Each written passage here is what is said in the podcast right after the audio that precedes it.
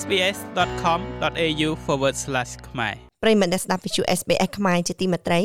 ចាត់ថ្ងៃនេះនាងខ្ញុំនឹងនាំលោកអ្នកមកស្វែងយល់អំពីខ្លាញ់នៅក្នុងថ្លើម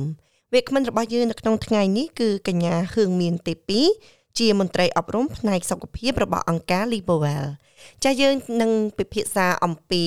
ចាអ្វីទៅដែលគេហៅថាខ្លាញ់នៅក្នុងថ្លើម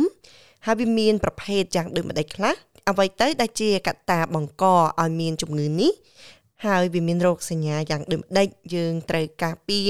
និងព្យាបាលយ៉ាងដូចម្ដេចនោះកញ្ញាហឿងមានទេពីនឹងជម្រាបជូនប្រិយមិត្តអ្នកស្ដាប់ទាំងអស់គ្នានៅក្នុងពេលបន្តិចទៀតនេះចាឥឡូវនេះយើងជួបជាមួយនឹងកញ្ញាដូចតទៅចាជម្រាបសួរទេពីចាជម្រាបសួរបងសុខសប្បាយទេថ្ងៃនេះ ចាសុខសប្បាយអរគុណបងបងសុខសប្បាយចាសុខទុក្ខធម្មតាអរគុណណាស់ទី2សម្រាប់ការផ្ដល់ពេលវេលាមកជូន SBS ខ្មែរនៅក្នុងថ្ងៃនេះចាចាចាទី2អឺថ្ងៃនេះយើងនឹងទៅចែកគ្នាអំពីខ្លាញ់នៅក្នុងថ្លើមចាទី2អាចជម្រាបជូនប្រិយមិត្តយើងឲ្យបានស្វែងយល់កាន់តែច្បាស់ផងដែរអំពីខ្លាញ់នៅក្នុងថ្លើមនេះតើវាជាខ្លាញ់យ៉ាងដូចម្ដេចហើយអ្វីយ៉ាងម៉េចទៅបានជាគេហៅថាខ្លាញ់នៅក្នុងថ្លើមនោះចាចាអឺជំងឺខ្លាញ់ក្នុងថ្លើម អឺគឺដូចជាឈ្មោះរបស់វាអញ្ចឹងគឺវាកើតឡើងបណ្ដាមកពីការមានជាតិខ្លាញ់នៅលុកនៅក្នុងថ្លើមរបស់យើងចំពោះថ្លើមដែលមានសុខភាពល្អគួរតែមិនមាន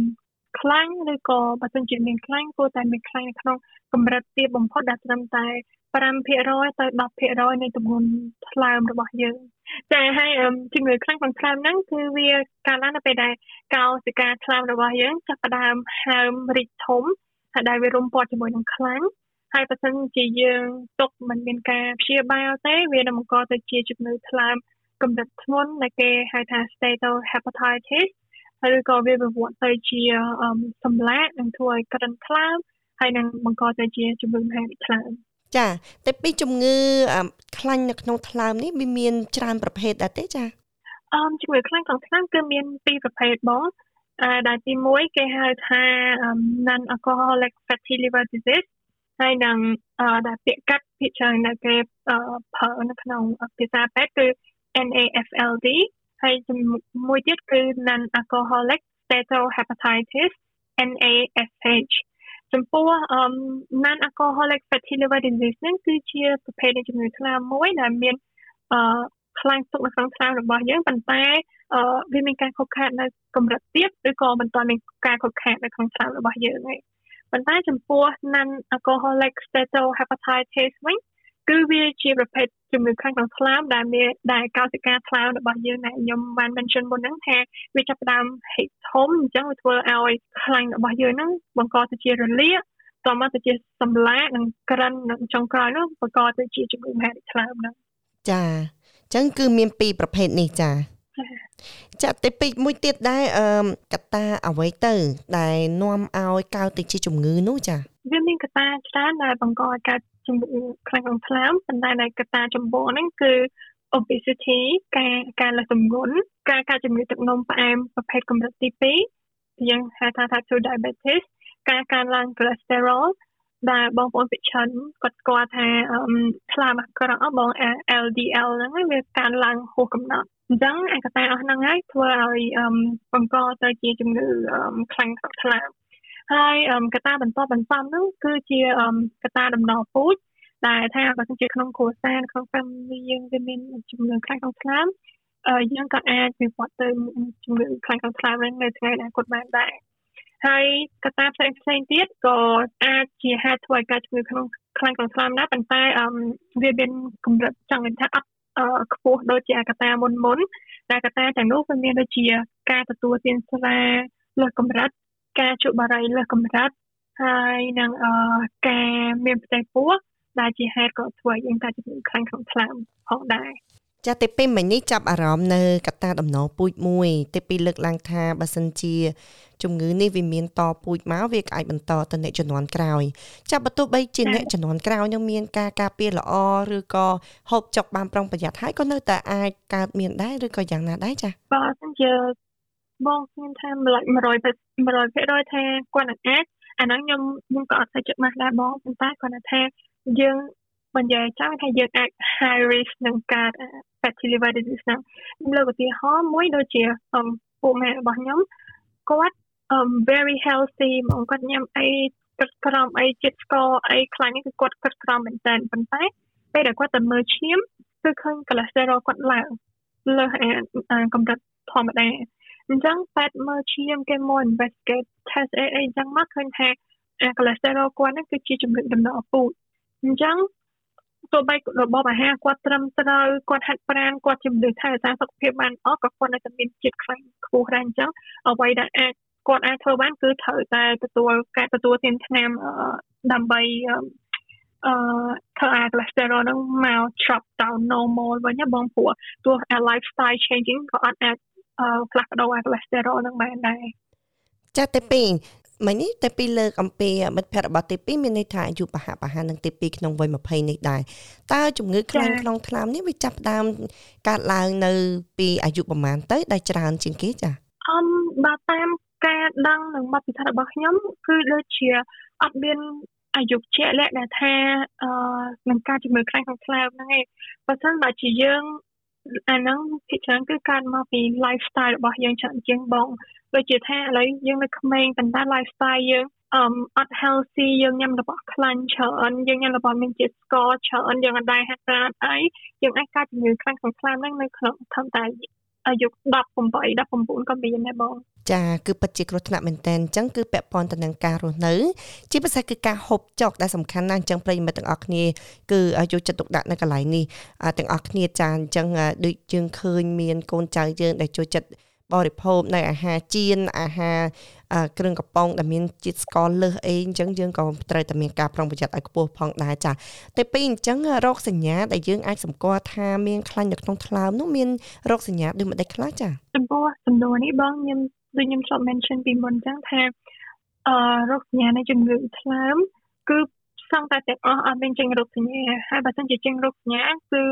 លក្ខណៈថា too late ហើយអញ្ចឹង អឺនៅប្រទេសអូស្ត្រាលី doctor គេអត់ recommend ឲ្យយើងចាំទៅចេញរោគសញ្ញាមកយើងទៅបដិសុខភាពទេគឺគេអត់ចង់ឲ្យយើង depend លើ symptom អស់ហ្នឹងចំពោះជំងឺអឺខ្លាំងក្នុងថ្លើមនេះក៏ដូចជាជំងឺថ្លើមផ្សេងផ្សេងដែររោគសញ្ញាវាគឺអត់ខុសគ្នាគឺដូចគ្នាទាំងអស់តែរោគសញ្ញាទី1ហ្នឹងគឺពីច្រើនគឺយើងអស់កម្លាំងយើង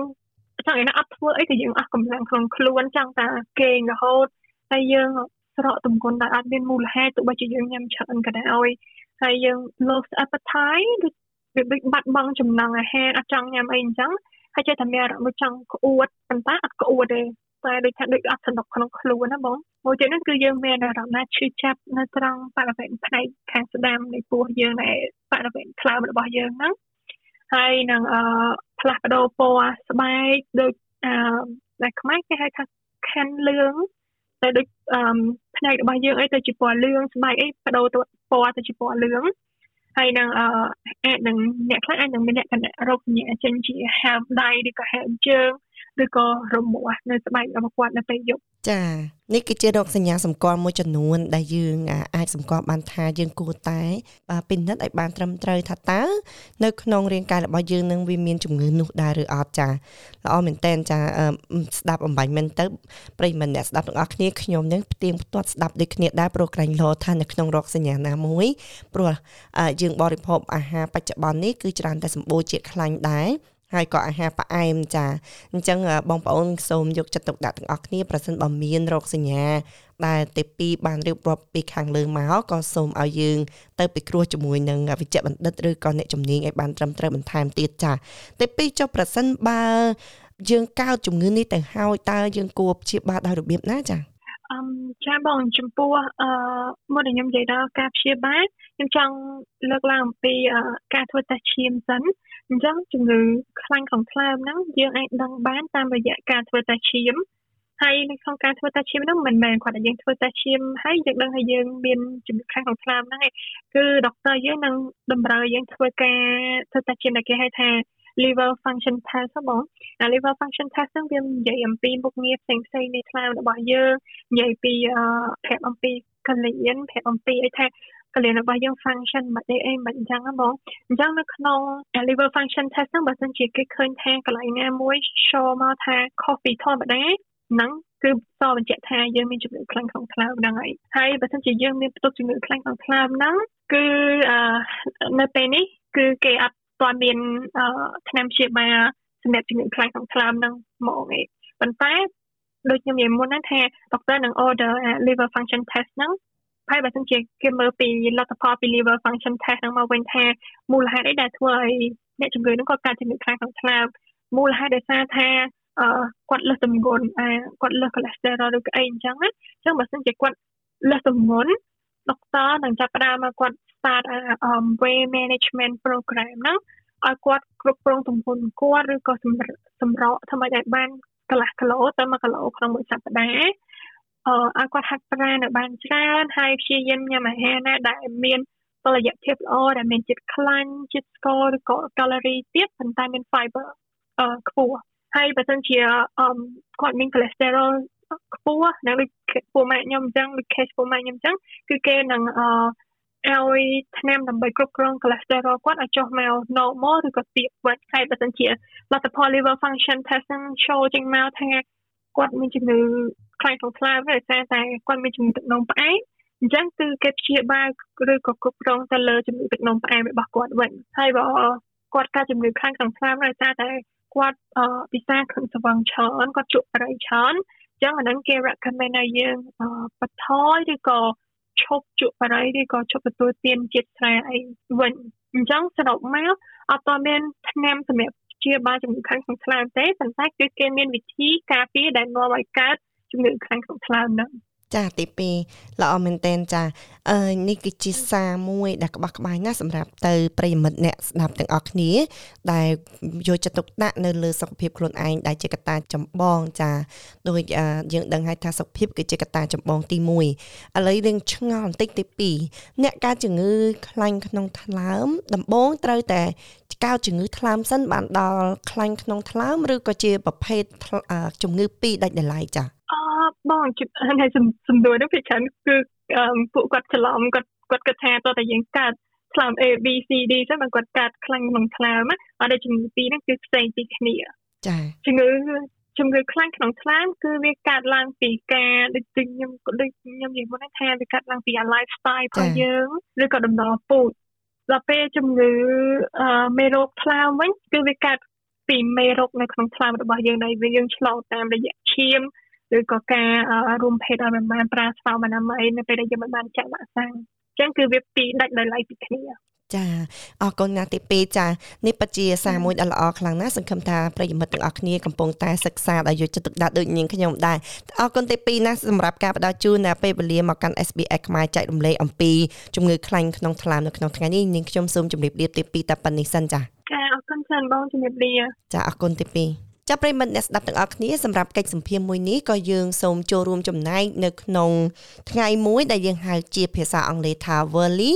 Liver Day ដែលកម្មវិធីនេះក៏បានធ្វើឡើងតាំងពីថ្ងៃ19ខែមេសាឯណោះទោះបីជាយ៉ាងណាក៏ដោយក៏ការលើកតម្កើងតម្លៃនៃការយល់ដឹងអំពីសុខភាពថ្លើមគឺនៅតែមានភាពចាំបាច់ព្រោះនេះគឺជាបញ្ហាដែលកើតឡើងរាល់ថ្ងៃចំពោះប្រិមិត្តរបស់យើងក៏ដូចជានឹងខ្ញុំដែរសូមអរគុណសូមជម្រាបលា ចុច like share comment និង follow SBS ខ្មែរនៅលើ Facebook